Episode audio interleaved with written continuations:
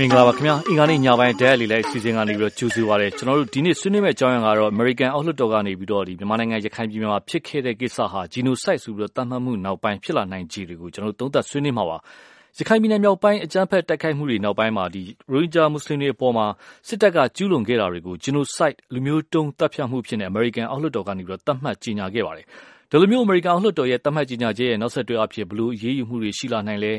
နိုင်ငံရေးအရာဥပဒေကြောင်းအရဘလို့တက်ရောက်မှုတွေ ရှိလာနိုင်လဲဆိုတာကို ကျွန်တော်တို့ ဆွေးနွေးမှာဖြစ်ပါတယ်အဲ့တော့ပါဝင်ဆွေးနွေးပေးမယ့် ပုဂ္ဂိုလ် နှစ်ဦးရှိပါတယ် ပထမတူကတော့ ဥပဒေထောက်ကူပြုကွန်ရက်ကို ထူထောင်တဲ့ လူခွင့်ရှိနေကြီး ဦးအောင်ထူးဖြစ်ပါတယ်လီလိုင်းပေါ်ရောက်နေပါပြီ နောက်တူကတော့ Internews အဖွဲ့ရဲ့ သတင်းပညာရပ်ဆိုင်ရာ အကြံပေး သတင်းစာဆရာ ဦးစိန်ဝင်းဖြစ်ပါတယ်ခင်ဗျနှစ်ဦးစလုံးလီလိုင်းပေါ်ရောက်နေပါပြီ ကျွန်တော် အရင်ဆုံး ဦးအောင်ထူးကို ဖိတ်ခေါ်ခြင်းပါတယ်ခင်ဗျကိုအောင်ထူးရေ ကြားပါလားခင်ဗျ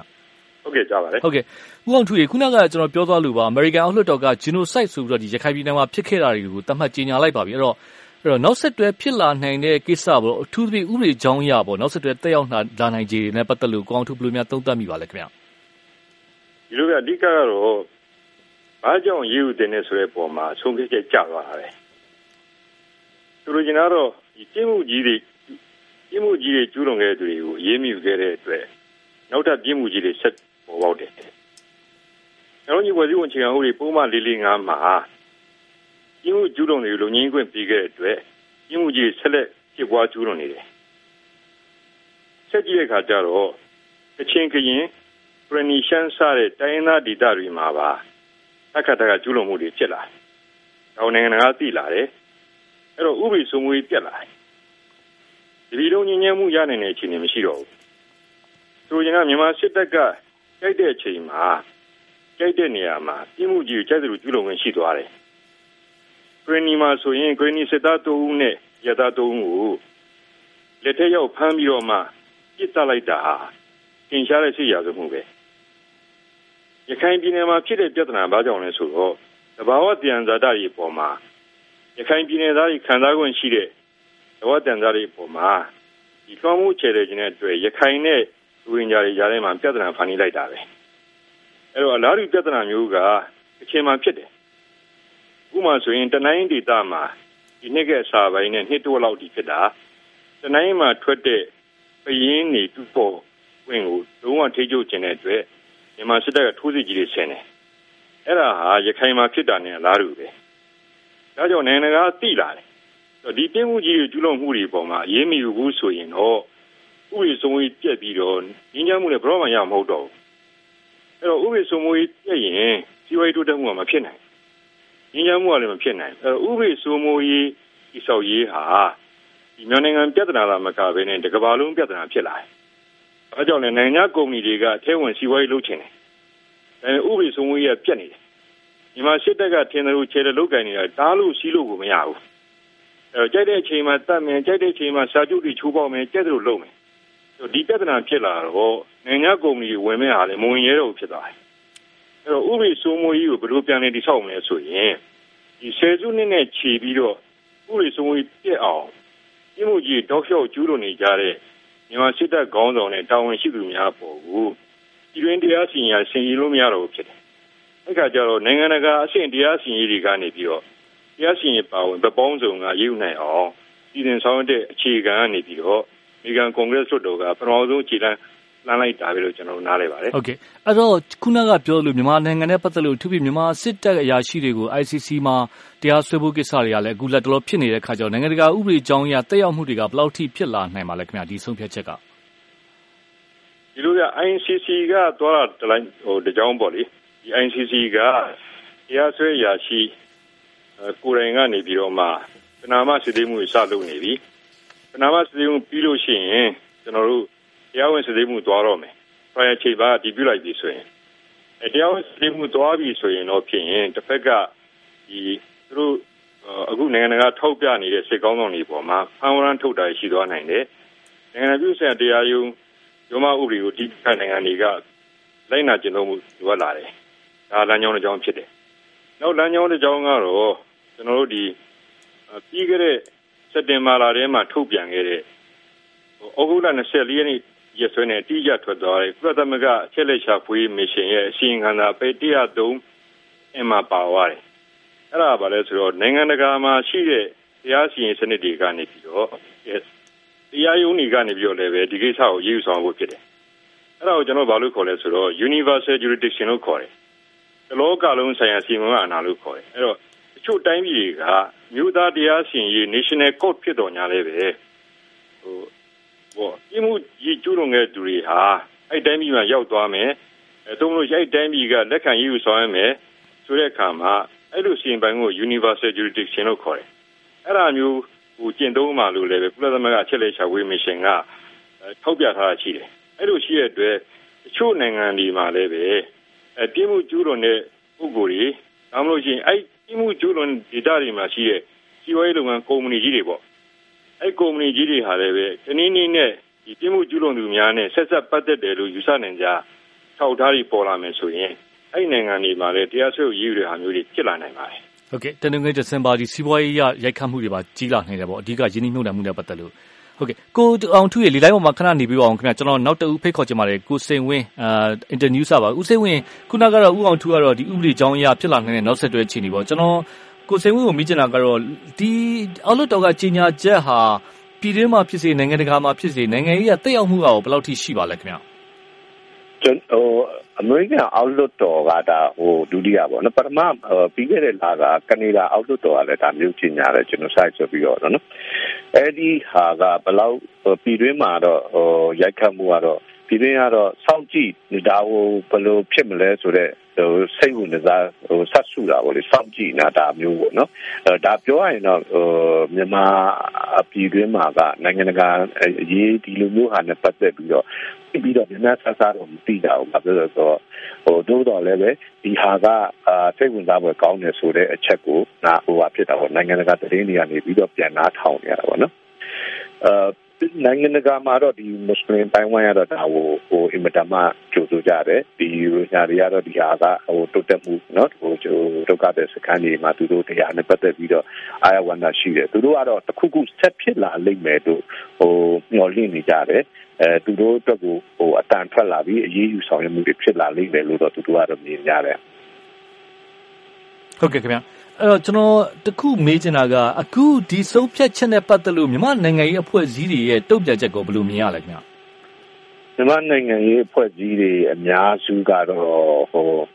ဟိုတတ်နိုင်တဲ့လောက်ဒီဟာကိုကိုကဟိုတွားပြီးတော့မပြောမပြောရေးဆိုတဲ့ဟာပေါ်မှာပဲဒီပေါ်မှာသူတို့ဟိုအာနှစ်ပိုင်းရှိတယ်ဒါတစ်ပိုင်းကတော့ဒီ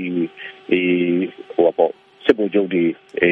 ကျူးလွန်လဲဆိုတဲ့အပိုင်းအရေးယူလဲအရေးယူပေါ့ ဒါမျိုးပေါ့နော်အဲသို့တော်လည်းပဲ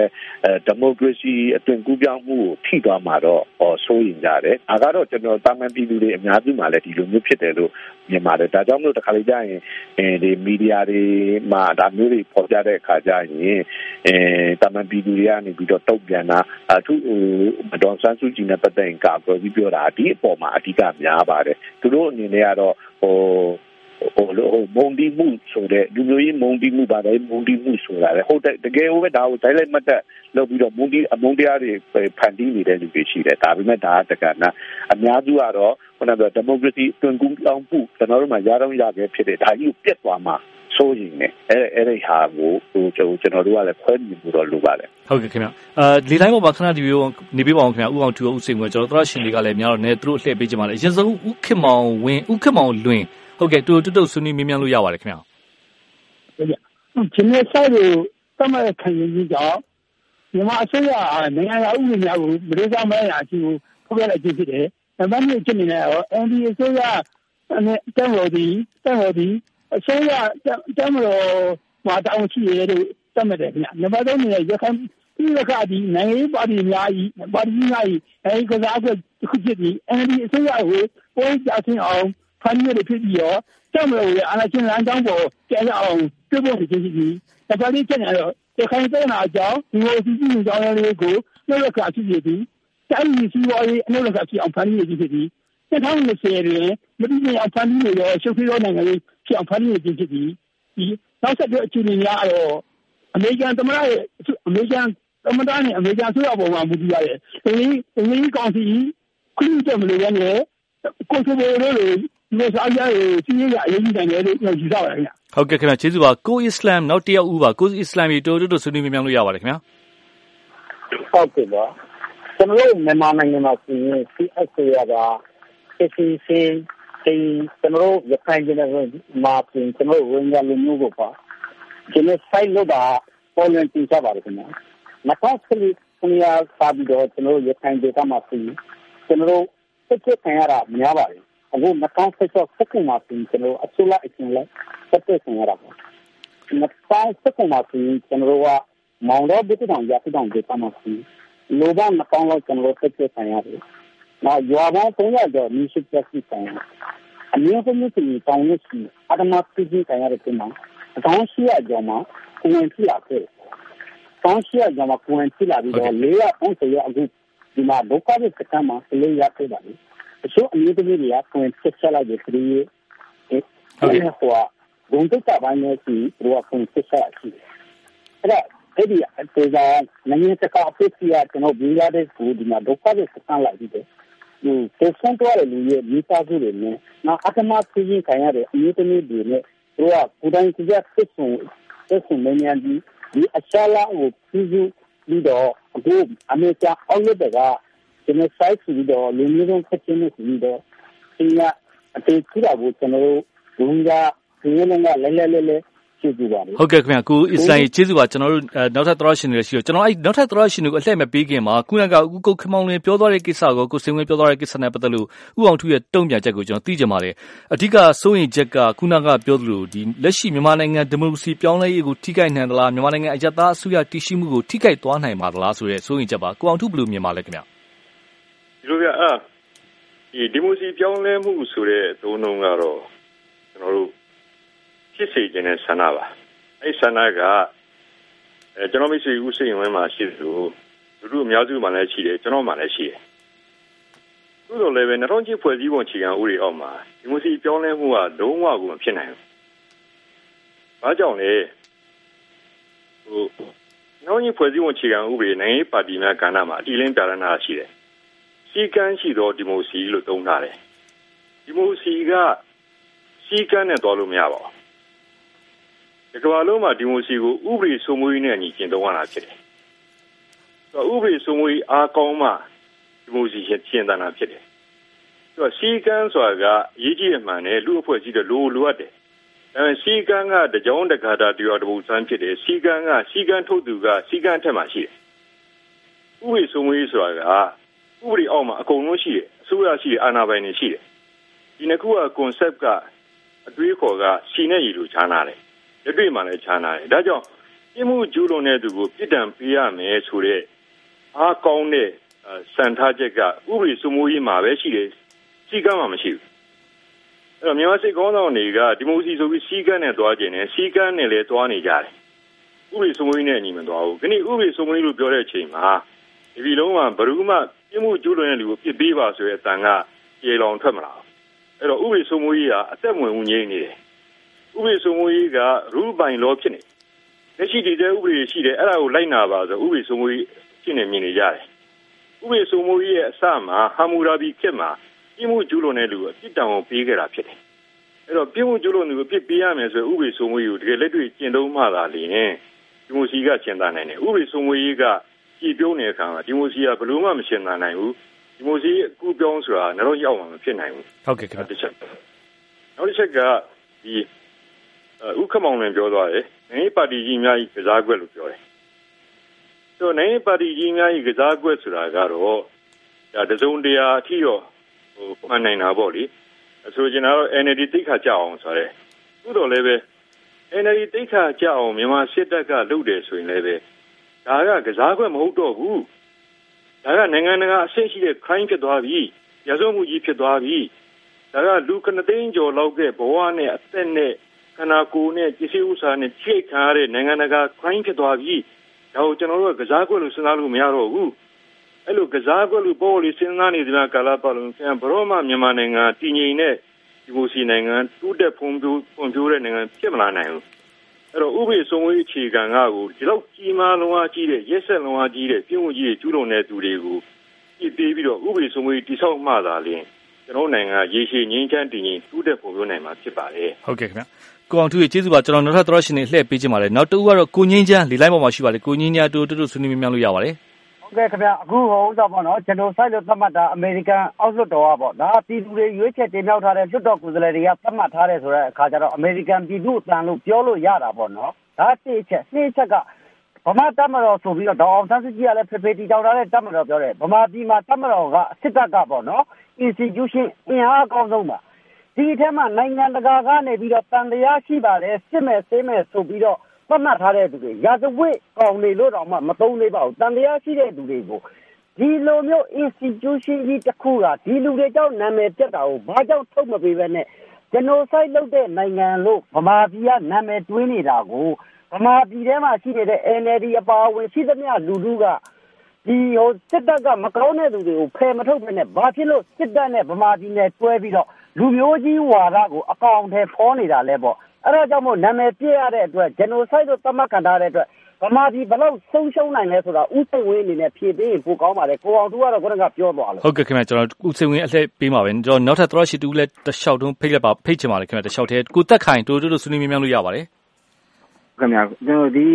ဒီ genocide ဆိုတတ်မှတ်ချက်နဲ့ပတ်သက်ပြီးတော့ခုနကိုအောင်သူပြောတော့တိုင်းရင်းသားတွေမှာဖြစ်တဲ့ဗမာစစ်တဲ့ထိုးစစ်နဲ့ဒီခိုင်မှာဖြစ်တဲ့ကိစ္စတွေကတော့တက်ခွဲမိသိကျင်တယ်ဟို တိုင်းသားတွေမှာဖြစ်တဲ့ကိစ္စကိုဗမာပြည်သူဗမာပြည်သူအများစုကလည်းဘယ်သူမှမထောက်ခံဘူးစစ်တပ်ပေါ်မှာတောက်လျှောက်ကိုကန့်ကွက်လာတဲ့စစ်တပ်ကိုစန့်ကျင်လာတဲ့ဖွဲ့စည်းပါဗမာပြည်သူဆိုဒီရခိုင်ကိစ္စမှာတော့တက်တက်တခြားစီဟိုဒီရဲစခန်းပေါင်း30ကျော်တိုက်ခိုက်ခံရတာတွေဒီစစ်ဌာနချုပ်ခုခုတိုက်ခိုက်ခံရတာတွေနောက်ကြတော့ဟိုကကိုကျော်သိန်းဒီ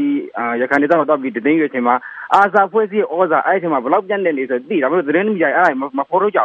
ဘူးဟိုပြောတာဒါပေမဲ့ကိုကျော်သိန်းပြောတာဟာနိုင်ငံတော်ပြန်လာမပြန်လာမသိဘူးအမေရိကန် အောက်လွှတ်တော်ကရေးတီရှိတာတော့မသိဘူးဗမာပြည်သူကြားထဲမှာတော့ဒါမှန်တရားဆိုတော့ကျွန်တော်သိတယ်ဒါပေမဲ့အဲ့ဒါကိုကြတော့ဘယ်သူမှမထောက်ပြဘူးဒါအဲ့ဒီလူတွေပြန်လာပြီဆိုရင်ရောဒီပြဿနာအေးမလားမအေးဘူးမအေးဆိုတော့ကျွန်တော်အာမခံပြောရဲဟုတ်ကဲ့ပါအဲ့ဒီငြိမ်းနေစီဘယ်လိုမှကိုတကန်တော့အဲ့မှာကျွန်တော်တစ်ဆက်တည်းကျွန်တော်ပြောဦးအောင်သူတို့ဘာလို့ထက်ဦးစိန်ဝင်တို့ထက်မြင်ကြထက်ပြီးဘာလို့မဆွေးနေကြလဲအောက်မေးချင်တာအဲ့မှာသတင်းနဲ့ပတ်သက်လို့ကျွန်တော်လည်းထည့်ပြောချင်ပါတယ်ရခိုင်ဒေသမှာအာဆာတိုက်ခိုက်မှုနဲ့ပတ်သက်လို့ဟိန္ဒူတွေတပ်ခါနဲ့ပတ်သက်လို့အမြဲပြောကြပါတယ်ဒါပေမဲ့သတင်းတွေမှာကျွန်တော်တို့ဖော်ပြပြီးသားဖြစ်ပါတယ်ဒါတွေကဖော်ပြဒါပေမဲ့သတင်းဆိုတာမြုပ်နေတဲ့ကိစ္စတွေကို ဖော်ထုတ်တဲ့ခါကျတော့ဟိုရိုဟင်ဂျာတွေကိစ္စနဲ့ ပတ်သက်လို့ အခုတည်းအစိုးရကလည်းတာဝန်မခံဘူး ဒါတစ်ဖက်က ကျွန်တော်ပြောတာ မဟုတ်ပါဘူး အဲ့ဒါကြောင့်မလို့ သတင်းရဖြစ်တဲ့သဘောကို ဖြစ်နေတာကို ပြောပြတာပါခုနက သတင်းတွေကို ထိန်ချန်ထားတာတော့ မရှိပါဘူးခုနဟိန္ဒူတွေဖြစ်တဲ့ကိစ္စအာခုနတစ်ဖက်မှာခုနအာဆာတိုက်ခိုက်မှုကိစ္စ ဒါတွေကတော့ နိုင်ငံတကာလည်း သိပါတယ်ခင်ဗျာကျွန်တော် ကိုစင်ဝင်းကို လှည့်ပေးကြပါမယ်ခင်ဗျာကိုစင်ဝင်းခုနက ကိုငင်းချမ်းမေးသွားတဲ့ ကိစ္စနဲ့ ပတ်သက်လို့ NLD အစိုးရမှာကိုတာဝန်မရှိဘူးလား အဲ့ဒါလေး ဖြည့်ပေးစေချင်ပါတယ် ဒီလိုမျိုးပေါ့ကျွန်တော်ဆိုင် ဖြစ်လားမဖြစ်လားဟာလားဟိုကျွန်တော်ဆိုင်နဲ့ဆွဆွဲတဲ့ဟာတွေဒီဒီဆွဆွဲခံဒီဟာကိုတရားရုံးကျွန်တော်အမြင်ကတော့တရားစီရင်လို့လုပ်ကိုလုပ်တင်တယ်ဘယ်လိုဟာမျိုးမှာတော့အကောင်းဆုံးအနေထားဖြစ်မလဲဆိုတော့ကျွန်တော်တို့ပြည်တွင်းမှာကိုတရားစီရင်လို့လွတ်လပ်တဲ့တရားစီရင်မှုဆိုတဲ့ဟာဖြစ်တယ်ဒါပေမဲ့အဲပြောရလို့ရှိရင်အဲ့ဒါကဖြစ်ဖို့လမ်းမရှိနော်ဟိုကျွန်တော်မြင်နိုင်တဲ့အနာဂတ်ကြီးကိုဘာမှအဲ့ဒီကမရှိဘူးအဲအဲ့တော့အဲ့ဒီလိုအနေထားမှာဒီ တိုင်းပြည်ရဲ့ဒီခုအတိုင်းဝိုင်းအနေထားဒါတစ်ဖက်မှာနိုင်ငံရေးရဲ့ဒီ hard power ကိုဟိုဟိုကင်နာတာဟိုစစ်တပ်ကကင်နာတာ power sharing တွေဒါတွေထောင်းတော့လူမှု society ပါဟိုတပတ် fit နေတဲ့ဟာအာကိုကကြီးနေတယ်အဲ့တော့အစိုးရလုပ်တင်တာဆိုတော့လုပ်လုပ်လုပ်လုပ်တင်တာပေါ့လုပ်ရင်ကောင်းတာပေါ့လို့ပဲပြောရမှာပဲဒါပေမဲ့ reality တကယ်ဟိုလက်တွေ့မှာတော့အဲ့ဒီဟာကအာလမ်းမရှိဘူး အဲ့တော့တခြားနီလန်းတွေကတော့ဗာလဲဆိုတော့ဟို adult tribunal တို့နော်ဟို the Hague မှာလုပ်တဲ့ ICC တို့ဒါတောင်မှအများကြီးဟိုတာစီတွေအများကြီးရှိသေးတယ်။ဘာပဲဖြစ်ဖြစ်နိုင်လို့ရှိတဲ့လမ်းကြောင်းဒီလိုပြောလို့ရှိရင် tribunal သွားနေမှာပဲ။သူကလည်းသူဟိုအပြင်မှာနိုင်ငံတစ်ခုမှာအခုဖြစ်နိုင်ရှိရှိတဲ့နိုင်ငံလို့ပြောလို့ရှိရင်အမေရိကရှိမယ်။ ကနေဒါရှိမယ်။ UK ရှိမယ်။ Australia ရှိမယ်။အဲ့ထဲမှာမှာလမ်းကြောင်းနှစ်ခုကအမေရိကနဲ့ကနေဒါဟိုမှာဖြစ်နိုင်တဲ့ဟာမျိုးတွေပဲရှိတယ်။အဲ့ဒါကသူကသူ try ဟို try ရဆက်သွားနေတယ်။အဲ့ဒီမှာမှအာဘယ်သူတွေဘယ်သူတွေကတော့မြောက်တယ်ဆိုတော့ဒီကိစ္စနောက်ပြီးတော့ပြီးခဲ့တဲ့ Bosnia တို့ Rwanda တို့တဲ့ပို့ပြီးတော့ဟော suspect ဖြစ်တဲ့လူတွေပိုများပါလိမ့်မယ်။စစ်မှုတွေမကဘူးအရာမာတွေမှာရော ဒီမှုပေါ်တခြားသောလုပ်ငန်းရှင်တွေပါအများကြီးများပါတယ်။အဲ့တော့ဒအဲ့ဒါတွေပြောလို့ရှိရင်တစ်ဖက်မှာအာအခုရှိနေတဲ့ရဝါနာမှာတော့ဟိုဟိုတရားရုံးချီပြီးလောက်တာပတ်သက်ကုန်အောင်အကြီးဆိုပြီးတော့မထီရောက်ဘူးဆိုပြီးဝေဖန်တာတွေထွက်နေတာကျွန်တော်တို့မှမိလို့အများကြီးရှိနေကြနော်ဟုတ်ကဲ့ကျွန်တော်မှခုနကကိုနင်းနေမိတာပြန်ထောက်ချင်ပါတယ်ဒီလက်ရှိ NLD အစိုးရအနေနဲ့ဒီဖြစ်ရတဲ့ပတ်သက်ပြီးတော့အာတော်နိုင်ငံတော်များနိုင်ငံတကာထောက်ပြတာတော့ လုံခြုံရေးဖွဲ့တွေမှာ တာဝန်ရှိတယ်ပေါ့နော် ဒါပေမဲ့ တချို့မြင်ကြတာက NLD ဆိုရကိုနိုင်က ဒါကို အကာအကွယ်ပေးနေတယ်ဆိုတဲ့သဘော မြင်ကြပါတယ် အဲ့ဒီအခြေအနေရော မြင်ရပါလားကိုကိုစိန်ဝဲသုံးသက်ချက်ပြချင်ပါ NLD ဆိုရရဲ့ဒေါ်အောင်ဆန်းစုကြည်ကိုယ်တိုင်လည်း သူကဝန်ဝန်ခံနာပြီးသားပဲလေဟိုကအာ UK ကနေ အင်္ဂလန်ကဝင်ကြီးလာတဲ့ခါကျတော့ ဒီကိစ္စကို တခြားနီလန်နဲ့ ဒီတက်ပိုကောင်းတဲ့နီလန်နဲ့လောက်လောက်လောက်ခဲ့နိုင်လားဆိုတဲ့ဟာမျိုးနော် အဲသူပြောပြောထားတာပဲအဲ့တော့ရှင်းနေပါလေဟုတ်ကဲ့ကျွန်တော်နောက်နောက်ဆုံးလေးတူတူတူလေးမေးချင်ပါတယ်အခုမြန်မာဆွေးရကဒီဖြစ်ရနေတဲ့ပတ်သက်ပြီးတော့စုံစမ်းရေးကော်မတီပေါ့ပြည်တွင်းမှာဖွဲ့စည်းပါတယ်နိုင်ငံတကာနှစ်ယောက်ပြည်တွင်းကနှစ်ယောက်ပေါ့ဒီဖွဲ့စည်းထားတဲ့ရလက်ကဒီဖွဲ့စည်းထားတဲ့အခြေအနေဒီကထွက်လာမဲ့ report အစီရင်ခံစာရှိပါတယ်။မျှမျှတတရှိမလားနိုင်ငံတကာလက်ခံမဲ့အတိုင်းအတာရှိလားဘယ်လိုမြင်ပါလဲခင်ဗျာ။ဒီမှာစုံစမ်းရေးကော်မရှင်အနေနဲ့တွားတွေ့တာက အာကိုဟိုပိုကိုလူကိုပြန်မေးတဲ့ဟာအနေထားပဲရှိနေသေးတယ်လေဟိုတကယ်လွတ်လွတ်လပ်လပ်အာကြောက်စိတ်မရှိဘဲနဲ့အစ်စ်ခံနိုင်တဲ့အနေအထားမဟုတ်တာနှစ်ဖက်ပြောရရင်တော့နှစ်ဖက် community စလုံး community နှစ်ခုစလုံးဒါမှမဟုတ်ရင်အဲ့ဒီဟိုအစိုးစစ်တပ်ဘက်ကလုံခြုံရေးဘက်တွေရောမေးနိုင်တဲ့အနေအထားနောက်ပြီးတော့ဟိုဒုက္ခတွေတွေဟိုကိုမေးနိုင်တဲ့ victim တွေဘက်ကိုမေးနိုင်တဲ့အနေအထားမရှိတော့အဲ့ဒါတွေကတော့ဝေးပါတယ် ဟုတ်ကဲ့ခင်ဗျာကျွန်တော်တို့ dial လေးလိုက်စီစဉ်အချိန်စစ်သွားလို့ပါအဓိကပေါင်းဆွေးပြီးဆွေးနွေးပြီးတဲ့လူခွင့်ရှင်နေဦးအောင်ထူနောက်သတင်းစာဆရာဦးစိန်ဝင်းနဲ့ကျွန်တော်တို့ရှင်နေအားလုံးကိုကျေးဇူးအများကြီးတင်ပါတယ်ခင်ဗျာကျွန်တော် dial လေးလိုက်စီစဉ်ဒီမှာပဲရန်နာခွင့်ပေးပါခင်ဗျာ